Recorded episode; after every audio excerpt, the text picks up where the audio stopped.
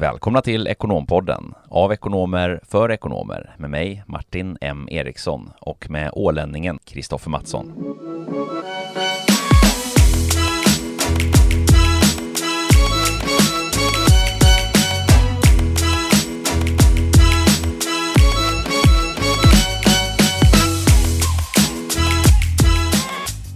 Hej alla kära lyssnare! Ekonompodden är tillbaka och det är en historisk dag idag med anledning av att eh, 50% av den här eminenta duon faktiskt är borta och har övergett mig. Eh, Kristoffer eh, Ålänningen är i studion. Martin är, eh, han har satt sig själv i, i coronakarantän och kunde inte vara med och spela in idag så då har jag fått förtroende att leda det här avsnittet själv. Eh, men jag hoppas att det ska gå alldeles utmärkt och till min hjälp idag så har jag en mycket speciell gäst, Mikael Sjögren, eh, som idag är kreditchef på Vasa Kredit. Och eh, jag tänkte att jag kommer gå ganska direkt in och presentera eh, Micke, eller egentligen låta Micke presentera sig själv eh, och inte prata så mycket om, om mig idag, utan vi går, vi går direkt in i hetluften helt enkelt. Och eh, Micke, ja, eh, aggregerat 20 år inom bank och finans. Eh, fantastiskt kul att ha dig här i, i vår lilla poddstudio idag. Varmt välkommen Mikael. Tack så mycket, tack så mycket. Jättetrevligt att vara här. Hur känns det att, att sitta framför poddmicken? Jag förstod att det är första gången som, som du är i det här poddformatet. Ja, det är första gången, men eh, det känns bra. Härligt, för jag, jag förstod att dra dragningar och sådär inför gänget på, på, ja, i din organisation, det, det är du van vid, men då är det, då är, då är det video, videofilmat och det är skönare att få sitta här i studion och bara låta rösten flöda. Ja, men det är riktigt behagligt. Prata har jag aldrig haft några problem med. Så. Härligt. Nej, men Eh, Eh, jag tänkte jättespännande Micke att höra lite mer om, om dig och din bakgrund. Du har minst sagt en, en spännande sådan och en sån här typisk eh, arbetshäst som har liksom jobbat sig uppåt och jobbat sig vidare och, och inledde på Stockholms universitet och sen har du kört en riktig raketkarriär inom eh, inom branschen. Eh, ja, var börjar vi? Vi börjar på, på Handelsbanken kanske? Ja, det stämmer. När jag var färdig på universitetet så, eh, så hade jag eh, turen att få jobb på Handelsbanken. Eh, och i Handelsbanken börjar man ju från början. Eh, så att jag kom med en, med en ekonomiexamen från Stockholm men började i kundtjänsten eh, på Strandvägen faktiskt på, på Handelsbanken. Handelsbanken är en otroligt bra skola eh, för att lära sig bank. Eh, då kanske man var lite frustrerad och ville gärna börja jobba med företag fortare. Eh, men så här i efterhand så är det jättebra att ha gått hela vägen och få med sig allting. Hade du en tydlig liksom plan redan då på universitetet att ja, men jag, det är bank och finans som jag är intresserad av och jag vill liksom göra karriär inom någon av storbankerna eller, eller var det en slump att du hamnade in på Handelsbanken? Ja, det är lite lustigt faktiskt. Jag ville jobba med marknadsföring. Ja, ja. Eh, och jag läste inte så mycket redovisning och, eh, och finansiell ekonomi men eh, sen behövde man ett jobb. Jag hade faktiskt jobbat extra på Handelsbanken innan. Så, så det föll sig naturligt och det är fantastiskt att komma in på en, på en sån stor arbetsgivare. Ja, verkligen, det är en bra, en bra skola. Jag, jag var ju själv på, på PVC och brukar kalla det också så att man lär sig om, om ja, näringslivet och det jag var intresserad av och jag menar komma in på en av storbankerna är en fantastisk möjlighet. Och där spenderade du eh, ett antal år. Ja, jag var nästan åtta år på Handelsbanken så att jag gick ju hela vägen som sagt, eh, jobbade med, med privataffären, jobbade som handläggare med utlandsbetalningar och sen äntligen då 2004 fick jag börja jobba med företag som, som var det jag brann för som ekonom. Och eh, jag hann ju avsluta min karriär i Handelsbanken på, på kontoret i Shanghai faktiskt. Eh. Ja, men vad, vad spännande och jag tänkte det dyker vi gärna lite djupare in på. Du har ju du har ju flyttat, dragit ditt pick och pack och flyttat från, från Stockholm till Asien och, och, och Kina, Shanghai och bara det är ju spännande i sig. Berätta lite om det. Ja, precis och inte bara en gång utan, utan två gånger. Men, men första varvet var att jag fick en möjlighet att, att jobba på Handelsbankens kontor i Kina. Och det var ganska tidigt. Storbankerna kom ju dit någon gång kring 2004. Så när jag kom dit 2007 så var det ganska tidigt i processen för, för de svenska bankerna där det var väldigt spännande att vara med. verkligen. Eh, och vad, liksom, vad, vad tar du med dig från, från Kina då? Jag tänker fördomsfullt att det säkert finns en del kulturella skillnader mot arbetsklimatet och, och kulturellt än vad det är i Sverige. Ja, just arbetsmässigt, man, man jobbar ju väldigt hårt i Kina. Eh, jag menar, arbete och pengar är viktigt. Det finns ju inte ett socialt skyddsnät på samma sätt. Så folk är väldigt ambitiösa och det är en väldig konkurrens. Eh, och sen är det ett lite hårdare affärsklimat där också. Eh, men jag trivdes ju väldigt bra. Eh, och som sagt, jag var ju i Kina ett, ett varv till sen med S-banken. Jag ville hela tiden komma tillbaka. Eh, och jag kan absolut tänka mig att både jobba och bo i Kina igen. Precis, det kanske är de digitala lösningarna som, som vi kommer komma in på lite senare kan möjliggöra eh, att jobba från Stockholm men, men bo annanstans.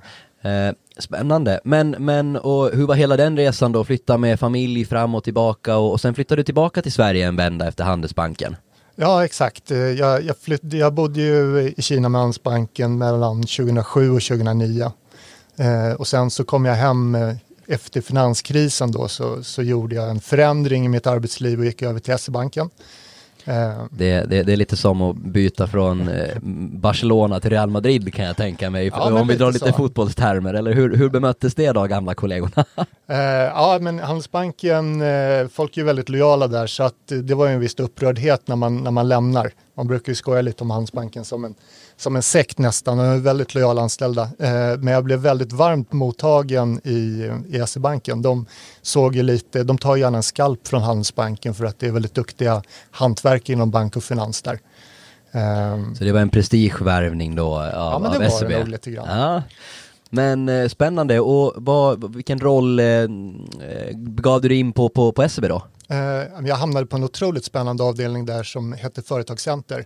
Och man låg lite mellan kontorsnätverket och det de kallar Midcorp. Så man jobbade med de största affärerna inom retail, eh, förvärvskrediter och lite sådana komplexa affärer. Jag har lärt mig det mesta jag kan om företagsaffären har jag nog lärt mig där på SE-banken skulle jag säga. Det var väldigt spännande år. Ja, vad roligt. Och jag tänker också sådär, bara en nyfiken fråga. Nu har du varit på, på Handelsbanken och SEB då, två av, av storbankerna och, och skulle du säga liksom, många kanske tänker storbanker, det är ganska, det är ganska samma lika, man erbjuder samma produkter och sådär, men, men du som har varit inne i två av dem och säkert har god kännedom om, om övriga, vad, vad skulle du säga liksom, finns det, finns det, om man skrapar lite på ytan, eh, skillnader där, däremellan? Jo, men det tycker jag det, det gör det verkligen. De är uppbyggda på lite olika sätt också. Handelsbanken är ju verkligen uppbyggd kring sitt kontorsnätverk. Och traditionellt sett så är väl SE-banken mer en storföretagsbank som också har en retailverksamhet. På senare år har det där balanserats upp i SE-banken att retail har blivit viktigare. Jag tror bolåneaffären är en stor anledning till det som är så pass lönsam. Men de har lite olika skäl liksom. Och sen som sagt i Handelsbanken så, så uppskattades det om man stannade kvar länge på varje ställe. Man skapade trygghet för liksom kontoret och för kunderna. Jag upplevde att i SE-banken så var det mer okej okay att, eh, att byta roll och prova på olika saker. Mm, ja, jag förstår. Spännande. Eh, och, och sen har karriären eh, gått vidare efter, hur många år var du på, på SEB? Eh, jag var där från 2009 till 2016. Eh, han, han som sagt med ett varv till i Kina också mellan, mellan 2013 och 2016 i en, en mer mogen fas. Då gjorde ju storbanken och speciellt SEB verkligen affärer på riktigt i Kina. Mm. Så, eh, så det hann vi med. Ja, och idag eh, jobbar du som jag nämnde innan som kreditchef på, på Vasa. Hur hamnade du där? Ja, jag hamnade där via er. Ja. Vad härligt, med härliga kollega Martin som, som var med och hjälpte till i den rekryteringen har jag förstått. Ja, den, den bästa rekrytering som jag har varit med om faktiskt. Det får vi tacka för. Eh, vad roligt och, och det, det, är ju vår ambition att man ska ha en bra upplevelse eh, efter det. Men det är kul att höra eh, från, från dig Micke. Eh, men berätta lite, vad, vad, vad, vad, tar du med dig liksom från den resan och hur ser din roll ut eller hur har den förändrats på, på Vasa? För där har du också bytt lite roller mm. internt. Jag tyckte när vi hade upp snacket här så nämnde du att du, jag sa du, du är en sån här eh, bra och trogen medarbetare som har varit många, många olika tjänster men inte på så många olika arbetsplatser eller organisationer. Ja men så är det, det här är ju min tredje arbetsgivare då och eh, jag gick in i en roll som ställföreträdande kreditchef och sen så fick jag flytta upp som kreditchef efter något år. Så jag har varit kreditchef ganska precis tre år och nu, eh, min vana trogen, så går jag in i en ny roll här om sju dagar och går in i en affärsroll på företaget. Det, det är kul man kan stanna kvar och utvecklas. Precis, så nu lämnar du krediterna nu ska du tillbaka på golvet igen eller? Ut i affären, träffa Ut kunder. Ut i affären, spännande. Berätta lite om, om din roll idag och eh, om Vasa Kredit. Ja, men gärna. Eh, alltså, jag har ju trivts hos, hos alla mina tre arbetsgivare, men jag måste erkänna att när jag kom till Vasa Kredit så känns det som att ha kommit hem. Eh, det är ju en mindre organisation än, än en stor bank. Vi är väl en 230 anställda ungefär. Men det, det är som en stor familj. Eh, I ett företag av den storleken så lär man ju känna alla väldigt fort. Eh, jag kände mig välkommen redan från dag ett. Och man kan ju vara med och påverka på ett annat sätt också. Sen är det ju inte, alltså vi är ju ett, ett av de större finansbolagen. Vi har ju en 25-26 miljarder i portföljen så, så att det är inte en liten liksom, eh, långivare. Men, men det är ett ganska tajt gäng. Um, så att eh, jag trivs otroligt bra och ser fram emot att stanna där många år till och vara med på den resan. Vad, vad erbjuder ni för tjänster då liksom för men, privatpersoner och, och, mm. och, och sådär? Vad, vad är ert tjänsteerbjudande? Eh, men det är ungefär, eh, alltså vår portfölj är ungefär hälften privat och hälften företag, så vi är ungefär lika stora i båda benen. Men till privatpersoner så är det ju konsumtionslån, det är ju blankolån, det är bilfinansiering, fritidsprodukter till exempel, eh, deluppköp i, eh, i butik, Eh, så det är väl de stora bitarna där. Och På företagssidan så är det ju det är objektsfinansiering vi arbetar med.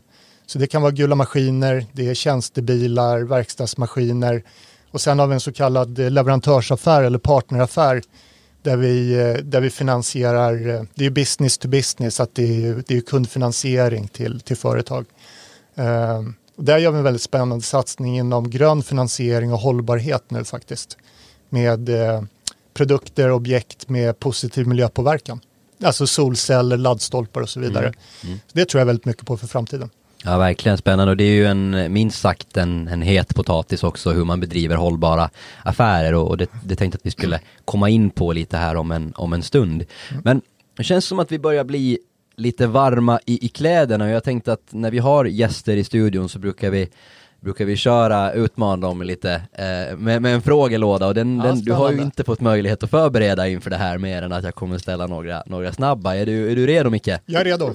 Härligt. Eh, då börjar vi, eh, du som ändå är i eh, branschen och, och ja, jobbar med lån och krediter så, så först, första frågan ut är spara eller slösa? Spara.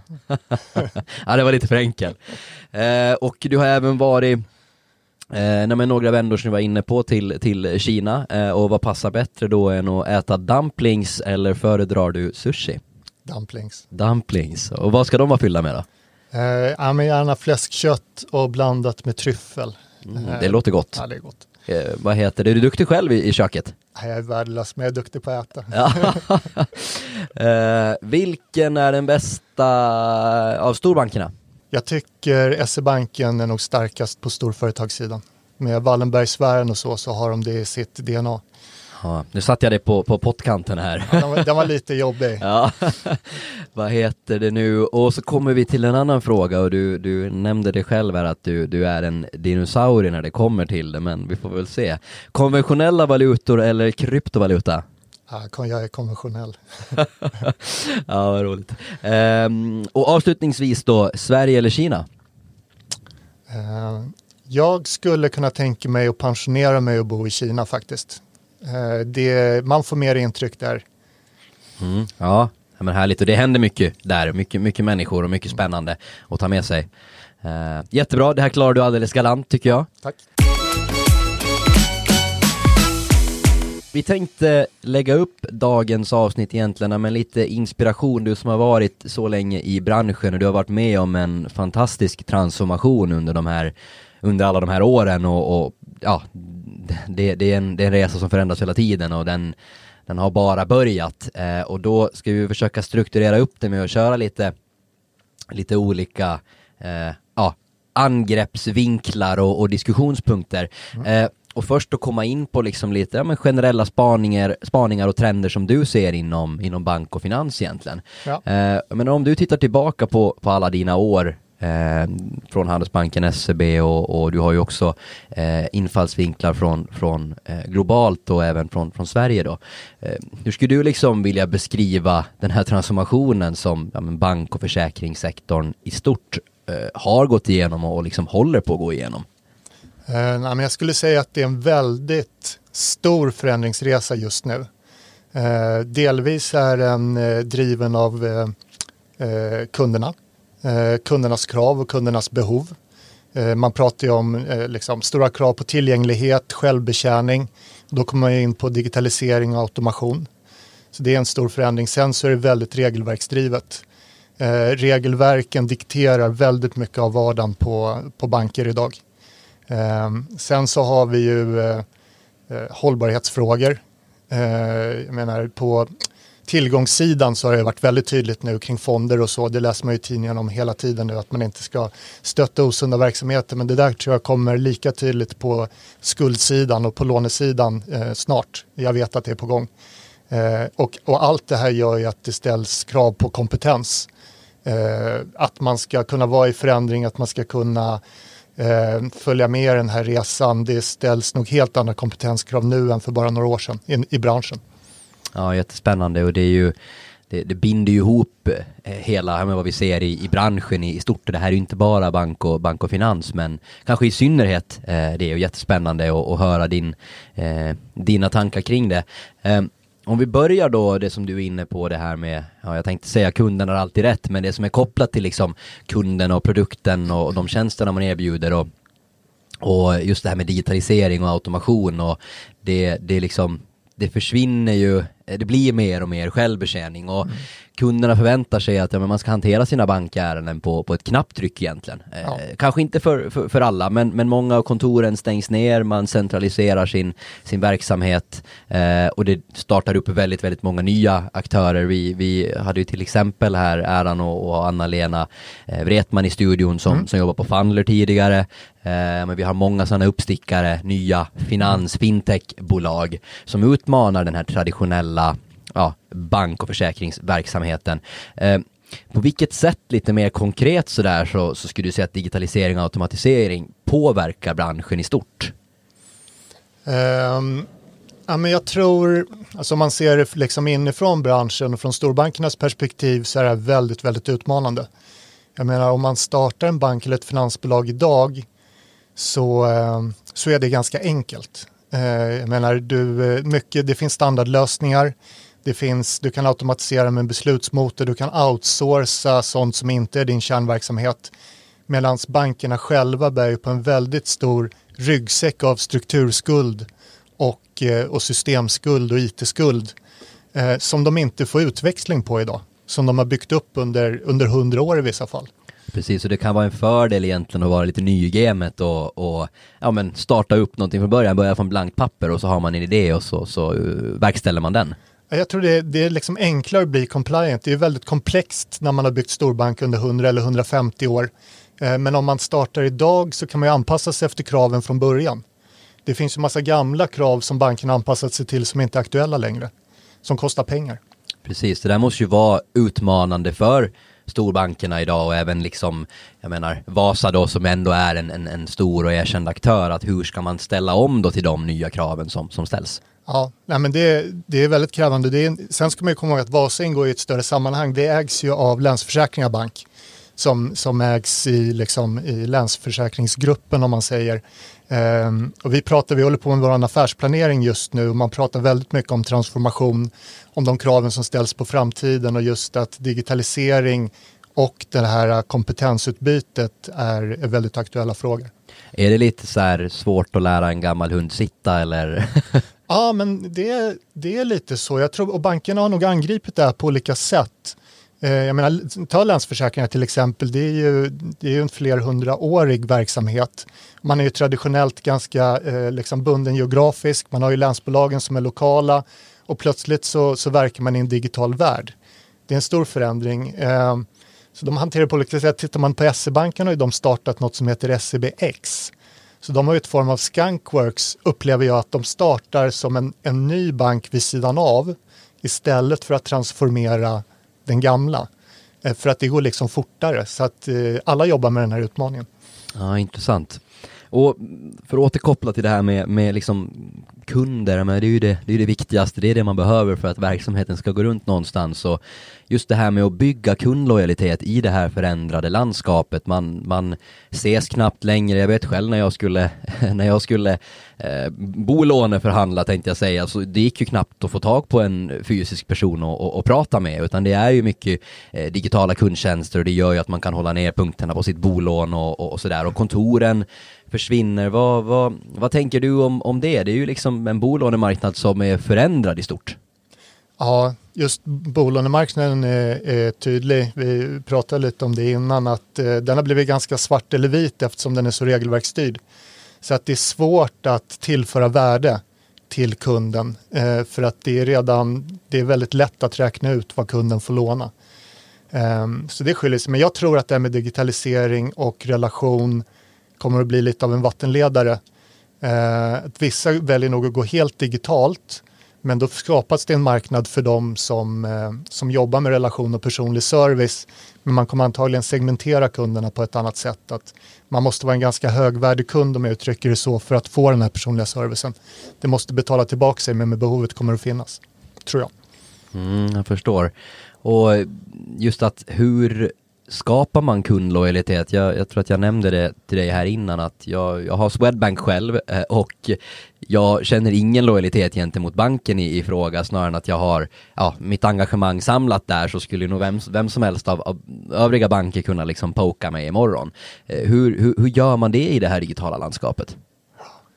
Jag tror eh, kundupplevelsen kommer nog att vara ganska lik. Man vill göra enkelt, man har tillgänglighet, man har självservice. Jag undrar om man bygger lojalitet via sitt brand på ett annat sätt kanske. Att man är en, en hållbar bank eller att man har ett gott rykte som gör att man, att man stannar kvar. Så det är kanske mer genom varumärket än genom eh, den dagliga relationen. Kan vara så. Mm, precis, ja det har ju minst sagt förändrats så jag kan jag ju faktiskt tycka att jag är lite av, många tycker att det är en generationsfråga, men jag kan ju gilla de här fysiska mötena, att man har en, en bankman eller en bankkvinna och, och det kan ju jag faktiskt sakna lite idag. Eh, jag är likadan, men som sagt, jag, jag, brukar kalla mig själv för en dinosaurie, men jag, jag kräver fortfarande en, en personlig bankkontakt. Ja, vi är dinosaurier båda två där då.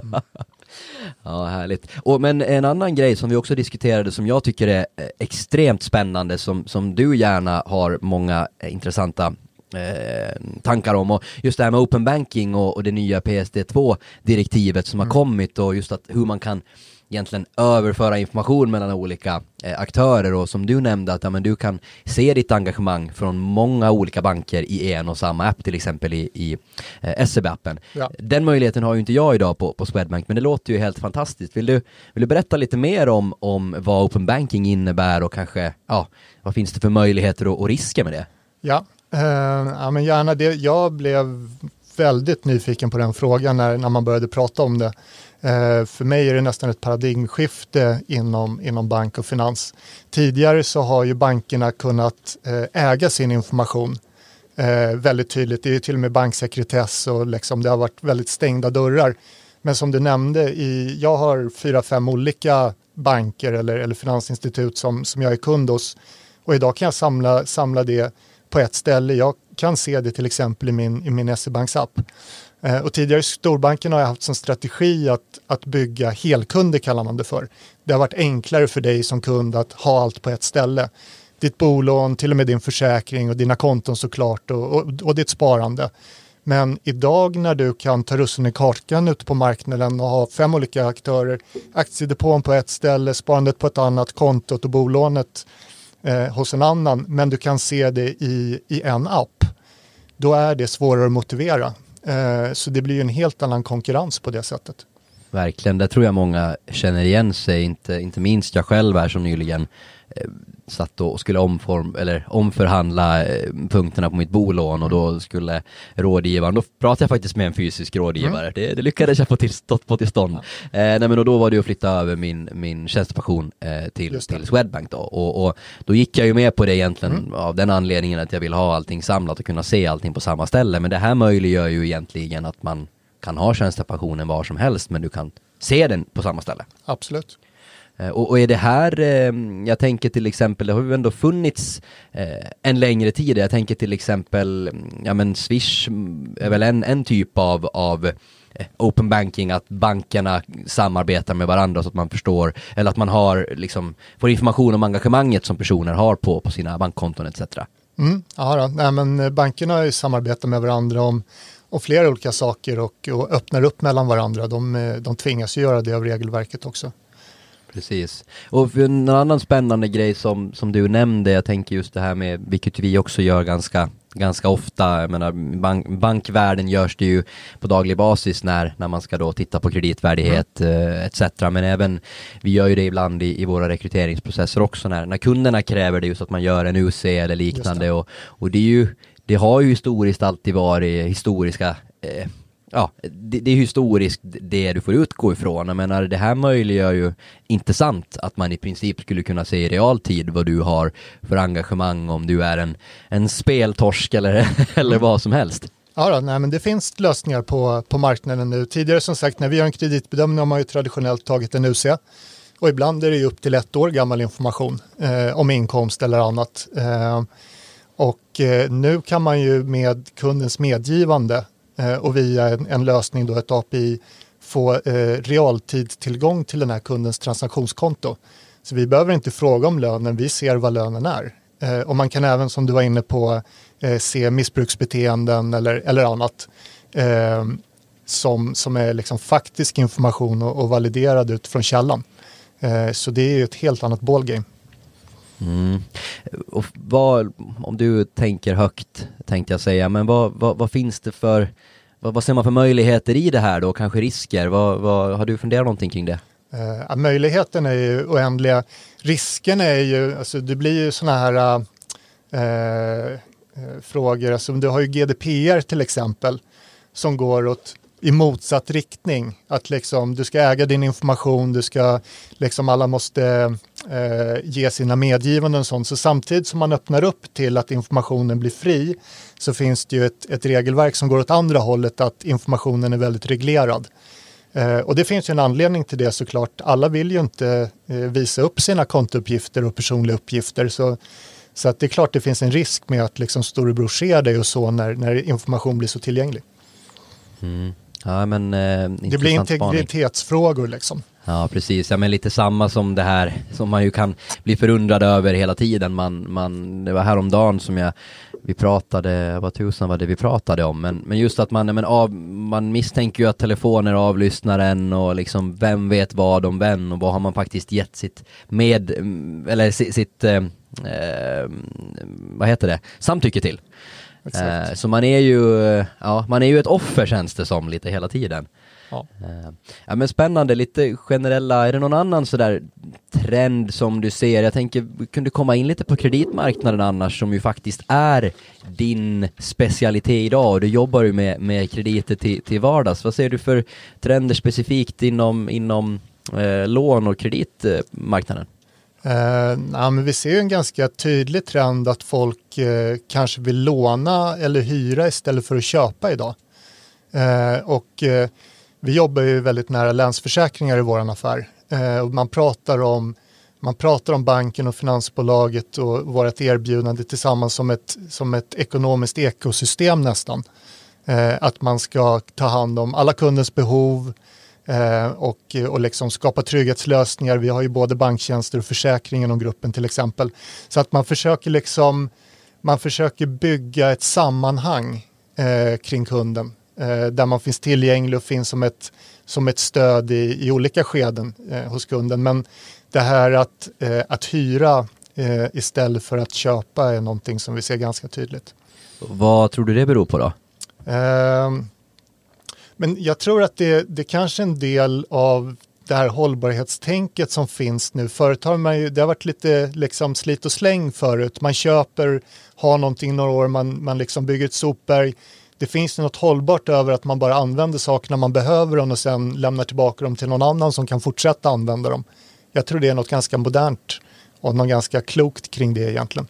Så det har nog med liksom konsumtionssamhället att göra.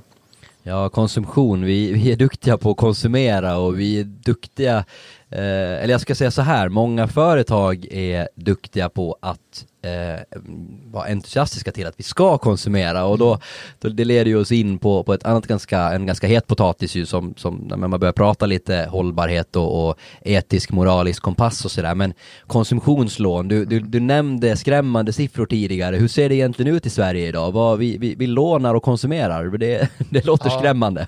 Ja men så är det, konsumtionslånen ökar ju väldigt kraftigt. Jag läser ju rapporter från Konsumentverket och Finansinspektionen och så.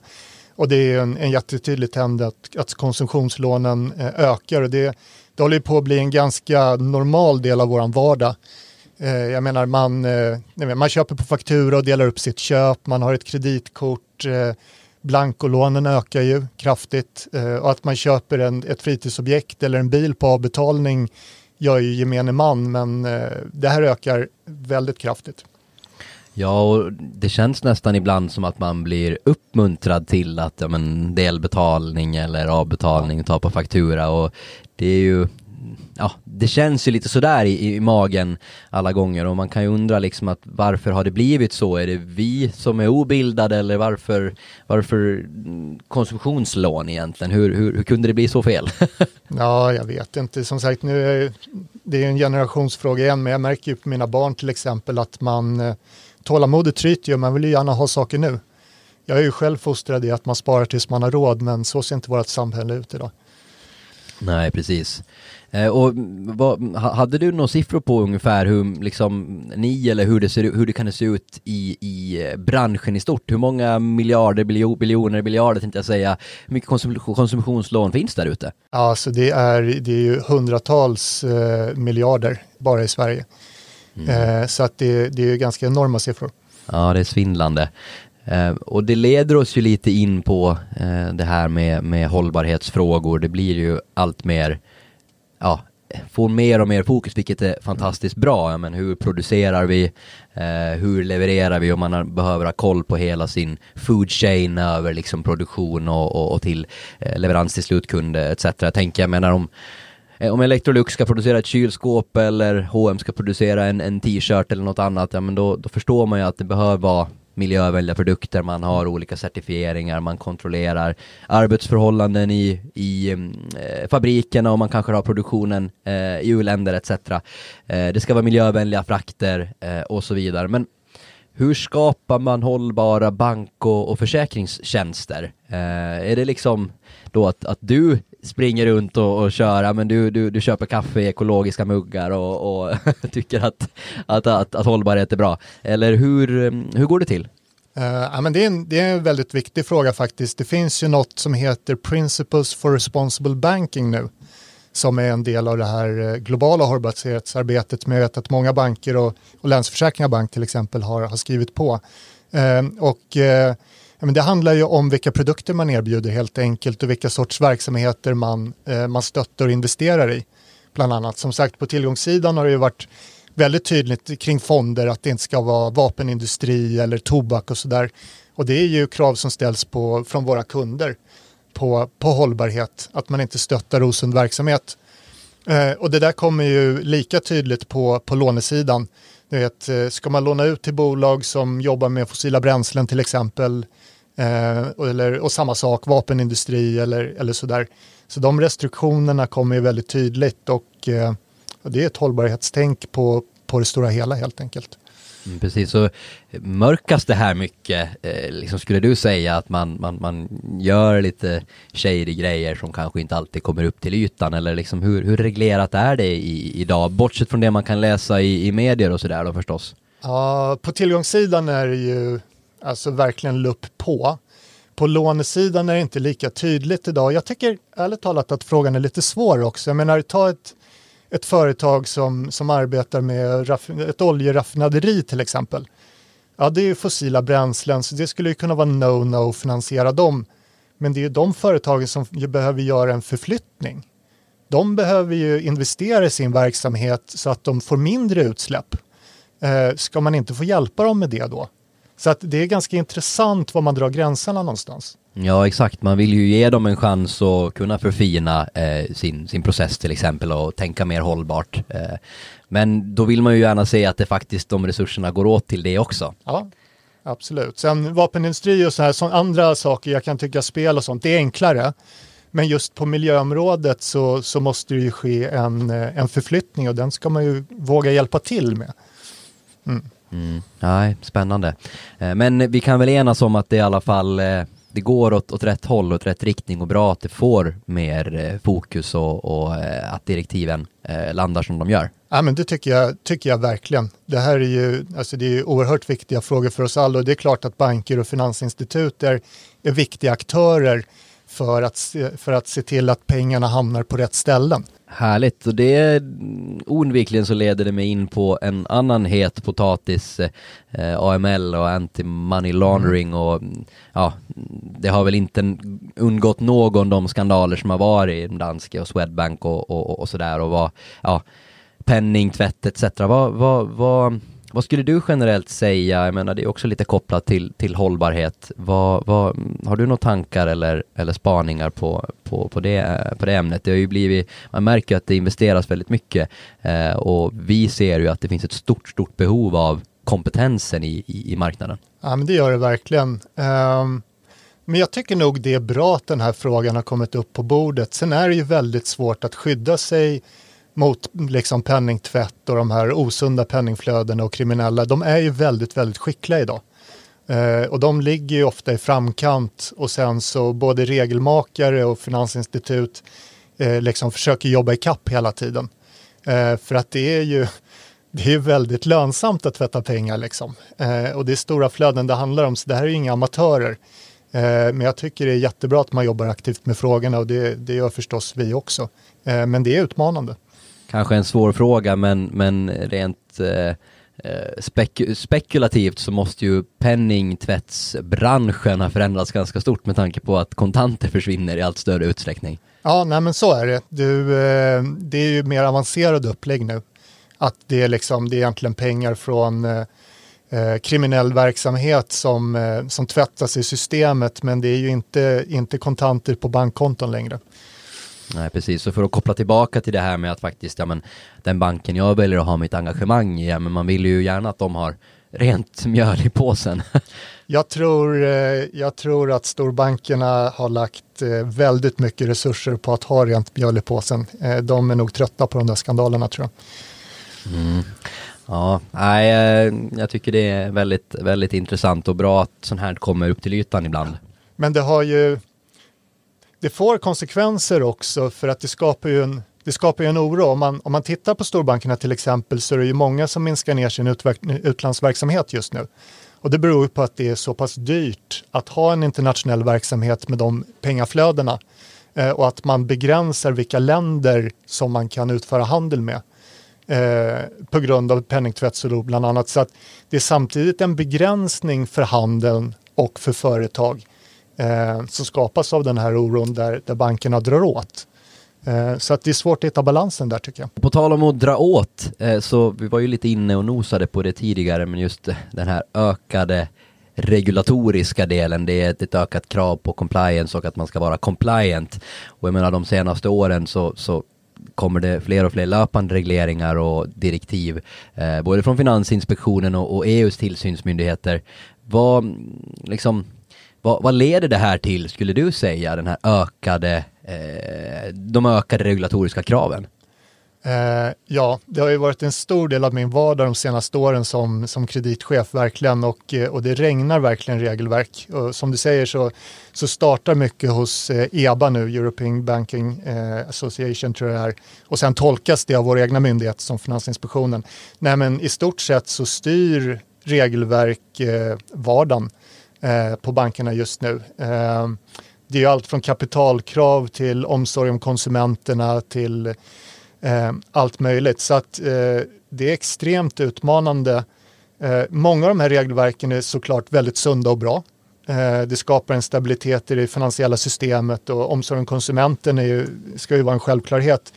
Men man ska vara medveten om att på EU-nivå så är många av de här regelverken egentligen mer för kanske sydeuropeiska banker. Jag kommer ihåg det finns, man pratar om eh, eh, non-performing loans till exempel, NPL är ett sånt här regelverk. Och jag tror att italienska banker hade 11,4 procent non-performing loans medan svenska banker kanske har 1,4 procent. Ah. Men, men det är samma regelverk som implementeras så det känns ju inte alltid lika relevant för oss och dessutom tror jag de svenska bankerna är bättre på att implementera regelverken medan de italienska bankerna som behöver dem kanske struntar i dem. Så att ibland kan man känna att det är väldigt tungt. Mm, jag förstår. Och du, du nämnde det, det här med omsorg, konsumentkrediter, alltså att jag gissar då att man inte ska överbelåna och sätta folk i, i, svåra eh, finansiella situationer. Och, och, hur hänger det egentligen ihop med, alltså vad är det som är reglerat och vad är det när, när man ska få ont i magen om man då liksom är, eh, bidrar till att överbelåna eh, folk? Vad liksom, finns det någon gränsdragning där? Eh, egentligen eh, är, regelverket för konsumentkrediter väldigt tydligt nu. Eh, och det har ju förtydligats i olika omgångar. Det är ju konsumentkreditlagen från början som jag tror kommer från 90-talet eller någonting sånt där i sin version. Och sen så har Finansinspektionen Eh, förtydligat den i olika omgångar. Senast gjorde de det första november eh, 2021. Så det är så pass tydligt att nu kan man läsa att så här lånar ni ut pengar till privatpersoner. Alltså ni ska ha en kvar att leva på kalkyl och och liksom så, här. Så, att, eh, så jag skulle säga att privatlån har blivit väldigt reglerat. Jag tycker nog det är bra. Sen är det ibland svårt att leva upp till de här kraven. För vi, vi har ju pratat digitalisering och automation. Eh, och finansbolag som oss och, och, de andra, vi jobbar ju med automatiska beslutsmotorer. Eh, och det känns ibland som att de här kraven är grundade i att man ska ha ett rådgivningssamtal med kunden. Det är klart att kreditgivning ska ju vara individuellt anpassad. Men i praktiken så har man ju inte ett rådgivningssamtal med kunden nu. Eh, utan de söker ett lån på nätet, ibland via en låneförmedlare och sen sätter vi upp kreditregler kring det. Eh, men det är väldigt höga krav. Jag, och jag tycker det är bra, men det är väldigt svårt att automatisera det. Ja, intressant. Och vi diskuterade lite här innan vi klev in i studion också eh, och kopplat till kanske vilka eh, ja, vilka affärsmöjligheter kan det här skapa? Men du var inne på om, eh, om du skulle liksom påbörja ett nytt projekt inom, inom fintech också då kopplat till att ja men det kan och, och ta ganska mycket, det kan vara svårt att och liksom göra om en struktur som redan är befintlig om du skulle starta upp någonting nytt imorgon. Då var det inom just eh, den, här, eh, den här industrin. Ja, nej men absolut. Eh, konsumentkrediter växer ju. Eh, det finns ganska standardiserade lösningar för beslutsmotorer så som man kan köpa in. Eh, och sen så eh, har man en duktig analytiker, någon med god förståelse för konsumentkrediter och man kan i princip bestämma vilken risk man ska ha. Eh, du vet precis vilka förluster du kommer att få på portföljnivå. Sen ser du till att följa regelverket, eh, skruva in smarta regler som gör att du följer, följer regelverken eh, och sen tjänar du pengar. Mm, här har vi ett litet tips under bordet då till, till alla egenföretagare eller soon to be. ja, du behöver hitta funding också, det tror jag är den stora frågan. Ja men så är det, det är väl ofta flask, flaskhalsen ja. att man, man har en idé och sådär men, men hur ska vi finansiera det? Um, men och, som, som aktör då inom, inom branschen, kan man, finns det något sätt man kan dra nytta av den här ökade regleringen och, och regelverksefterlevnaden? Uh, Ja, jag skulle säga att vi brottas nog mest med det liksom från, eh, från bank och finansbolagens sida. Eh, men som leverantör till bank och finansbolag så kan du ju definitivt dra nytta av det. Eh, om du tar ett företag som UC till exempel som, som ju jobbar med de flesta bankerna och finansbolagen och de levererar ju underlag och information för kreditbeslut. om de anpassar sitt erbjudande efter regelverken Eh, så ligger de ju väldigt, väldigt bra till. Ehm, jag menar ett exempel är eh, att eh, man behöver ha framåtriktad analys till exempel på, på företagslån. Det duger inte att titta på historisk information på en UC egentligen när du, när du fattar ett kreditbeslut. Det är någonting som vi brottas med. En, en, en sån lösning skulle vara väldigt attraktiv till exempel. Så att jag tror om leverantörer till banker och finansbolag läser regelverken se vilka krav som ställs och föreslå lösningar på det så kommer det vara väldigt lätt att, att sälja in för det är sånt man sitter och kliar sig i huvudet kring. Ja exakt, här har du en lösning på, på silverfat. ja, men jag brukar säga det till, till dem när vi träffas att, eh, att läs, läs regelverken och kom till mig med förslag så kan vi nog göra affärer. ja, det låter bra. Du nämnde här i början, vi pratade lite generella generella trender inom branschen och vi pratar digitalisering, pratar automatisering. Du kanske har kommit på någon ny här nu under, under loppets gång.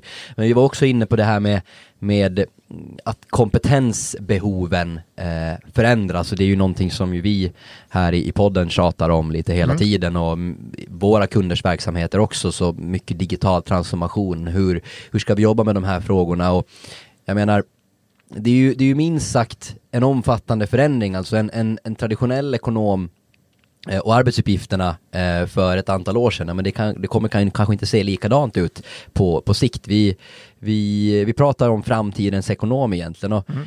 hur, hur skulle du se på behovet av kompetens och, och hur den liksom, traditionella ekonomen utmanas i, i, i sin roll? Ja, ja men verkligen. Jag, jag har ju gjort en hel del rekryteringar Eh, under åren eh, och, senast nu på Vasa Kredit. Och det som man letar efter är ju folk som kan hantera data egentligen. Man vill ju få en förståelse, dels för vår egen verksamhet, vår kreditportfölj, gå på djupet, men, men framförallt få en förståelse för våra kunder och deras beteenden. Eh, och det handlar ju om att sortera data. Så att, att ha an, duktiga analytiker, duktiga statistiker och folk som faktiskt kan programmering för att hitta och sortera datan, Eh, det är man beredd att betala för idag. Eh, och det är ju en helt annan kompetens än den traditionella om man säger. Precis, så hur gör man då om man är ekonom men man tycker men det här känns jäkligt skrämmande och börja liksom programmera och, och, och, läsa liksom Java. Det, det, jag vet att jag, dinosaurie som man är, så känner jag att nej, men jag, jag, jag jobbar hellre debet kredit. Vad, vad tänker du? Ja, men jag tror man ska göra det. Jag kommer själv behöva lära mig SAS här till exempel för att kunna sortera information. Det, det är skrämmande för mig. Men det är där vi är idag. Det handlar om datahantering och informationshantering för att man ska vara konkurrenskraftig och kunna fatta beslut. Ehm, det har blivit väldigt tydligt för mig de senaste åren. Vi pratar om analysförmåga, analyskompetens varje dag eh, på vårt företag. Mm om du tänker dig om man skulle vända sig liksom till, eh, till ekonomer där ute, men mm. kanske dels då en, en, en, en, ung ekonom som, som ska utbilda sig och är lite nyfiken på eh, kanske en karriär inom eh, bank och finans så, som du har gjort den. Ja. Vad, vad, har du något eh, har du något råd eller, eller så, något, något stalltips att, att ge till, till dem? Nej, men först ska man ju bygga liksom en bra grundförståelse, det traditionella hantverket som jag kallar det kring att eh, att förstå företag och företagsekonomi. Eh, och eh, liksom det här med redovisning. Redovisning tycker jag är en jätteviktig bottenplatta för, eh, för kreditgivning också. Det är så man lär sig hur företag fungerar. Eh, men sen så tycker jag faktiskt man behöver bygga på sig med någon form av statistik, matematik och faktiskt IT eh, för att vara riktigt, riktigt attraktiv idag. Så, det, så upplever jag det. Mm och det som vi pratade om initialt här då med olika liksom kulturer, värderingsstyrda organisationer som blir allt viktigare och det är ju så man i alla fall gör, eller i bästa fall gör de framgångsrika rekryteringarna, att det ska vara värderingar som jag kan ställa upp på. Liksom hur, hur ska man välja bland den djungeln då? Vi har flera storbanker som ju bevisligen skiljer sig när man väl synar dem i sömmarna. Vad, vad, hur ska man gå tillväga då? Mm, för att för liksom utvärdera framtida arbetsgivare? Precis. Uh, jag tycker att det, det, är klart, de marknadsför sig ju ganska aktivt via sina varumärken. Uh, men det viktigaste, för, det viktigaste för mig är att träffa människorna på företaget. Det är först då man får ett intryck, tycker jag, av hur det är. Mm. Uh, jag menar, som hos oss till exempel, jag fick ju direkt, man får direkt en känsla när man går in på, ja, i det här fallet är det ju Länsförsäkringar liksom, eller LFABs kontor eh, i Värtahamnen. Eh, jag tycker att man, det sitter i väggarna ofta och så fort man börjar träffa folk på Vasa Kredit till exempel så, så får man ett intryck av att det är prestigelöst och att det är familjärt. Så jag tycker det är svårt att läsa sig till den känslan och ibland får man faktiskt börja jobba eh, och vara där ett tag innan man förstår hur det riktigt fungerar.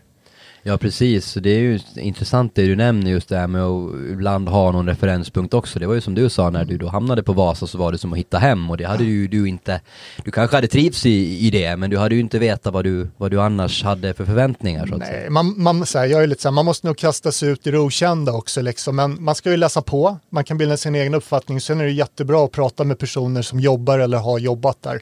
För det är då man får, man får de här insikterna. Exakt, det brukar ju vi alltid uppmuntra till att ja, men om, om du är intresserad av en, mm. av en eh, karriär inom bank och finans på Handelsbanken eller SEB eller någon annanstans så bjud ut någon som du vet att har gjort det. Bjud ut Micke på en lunch och så kan han beskriva alla de hemliga dirty details som, som, som vad heter det, de som försiggår ja. eh, bakom, bakom liksom de här marknadsföringskampanjerna. Eh, och jag tycker också det är intressant det du nämner med att det sitter i väggarna eh, och det är någonting jag också tänker att, att vi kan passa på att beröra och jag är väldigt nyfiken på att höra din syn på någonting som är väldigt komplext idag, alltså hur ska man du nämner det att det, det, är så viktigt att man träffar människorna mm. man har runt omkring sig och jag menar hur bygger man team i det här digitaliserade landskapet? Hur, hur ska vi styra vår personalpolicy? Hur ofta ska vi jobba på kontoret? Hur ofta ska vi jobba eh, remote? Ska vi acceptera att någon åker till Kina och, och, och jobbar därifrån och mm. jobbar efter helt andra eh, arbetstider än vad, än vad en själv gör. Hur, hur tacklar man de här eh, ja, organisatoriska svårigheterna och, och, jag menar nu då är det lite extremfall här då det, det kommer nya restriktioner på, på mm. daglig basis så de får man naturligtvis ha en respekt för men, men rent generellt, vad, vad, vad är dina tankar? Eh, ja, nej, men det här har vi jobbat väldigt aktivt med såklart och vi, vi har gått ganska långt eh, inom både LFAB och liksom inom Vasakredit då, som, som ägs så. Eh, att eh, vi har ju en helt annan flexibilitet idag. Vi har i princip jobbat hemifrån i två år nu och undantagsvis varit på kontoret. Eh, från att alla har varit på kontoret tidigare och det inte riktigt var okej okay att jobba hemma. Så att det har varit en, en hel omvändning. Eh, så att det har ju varit en väldigt, väldigt aktuell fråga och eh, inom LFAB har man sagt, man har satt upp ganska eh, tydliga förhållningsregler men väldigt flexibelt. Man har sagt att det ska fungera för gruppen, eller det ska fungera för företaget, det ska fungera för gruppen och det ska fungera för individen i den ordningen. Liksom. och har man check i de boxarna så har man delegerat väldigt långt ner i organisationen att man får bestämma själv. Så jag som avdelningschef nu till exempel har fått eh, bestämma utifrån våra behov och våra förutsättningar på kreditavdelningen hur vi ska jobba. Eh, på kundcenter hos oss så har de kanske andra förutsättningar eh, och jag satte, sa på samma sätt till mina gruppchefer att men då får ni bestämma hur ni vill göra i era grupper, det vet ni bäst. Så, och det har fungerat otroligt bra för oss. Det låter ju väldigt bra och det är ju trots allt det är tillämpbart även i de större organisationerna att man ändå kan delegera ner det eh, och, och liksom ja, men bli lite en mer självstyrande mekanism att ja, men avdelningschefer, gruppchefer får, de, de känner ju sitt team bäst om, om, om något och har ju bäst förutsättningar för att kunna styra det på ett bra sätt. Precis. Ehm, och det här har ju gett oss många fördelar. Det är lätt att attrahera kompetens. Eh, vi har ju fått väldigt fint i våra medarbetarundersökningar så att det har verkligen uppskattats av personalen. Man har sett så här, statistik som sjuktal till exempel. Eh, de har ju varit ganska låga hos oss men de har ju liksom halverats från en låg nivå. Eh, och det kan ju bero på att folk kanske inte sjukskriver sig och jobbar hemma även om de är lite krassliga. Men jag tror att nu det här vardagspysslet och logistik med barn och dagis och så, det har tagit bort mycket stress, den här flexibiliteten. Jag tror verkligen folk mår bättre.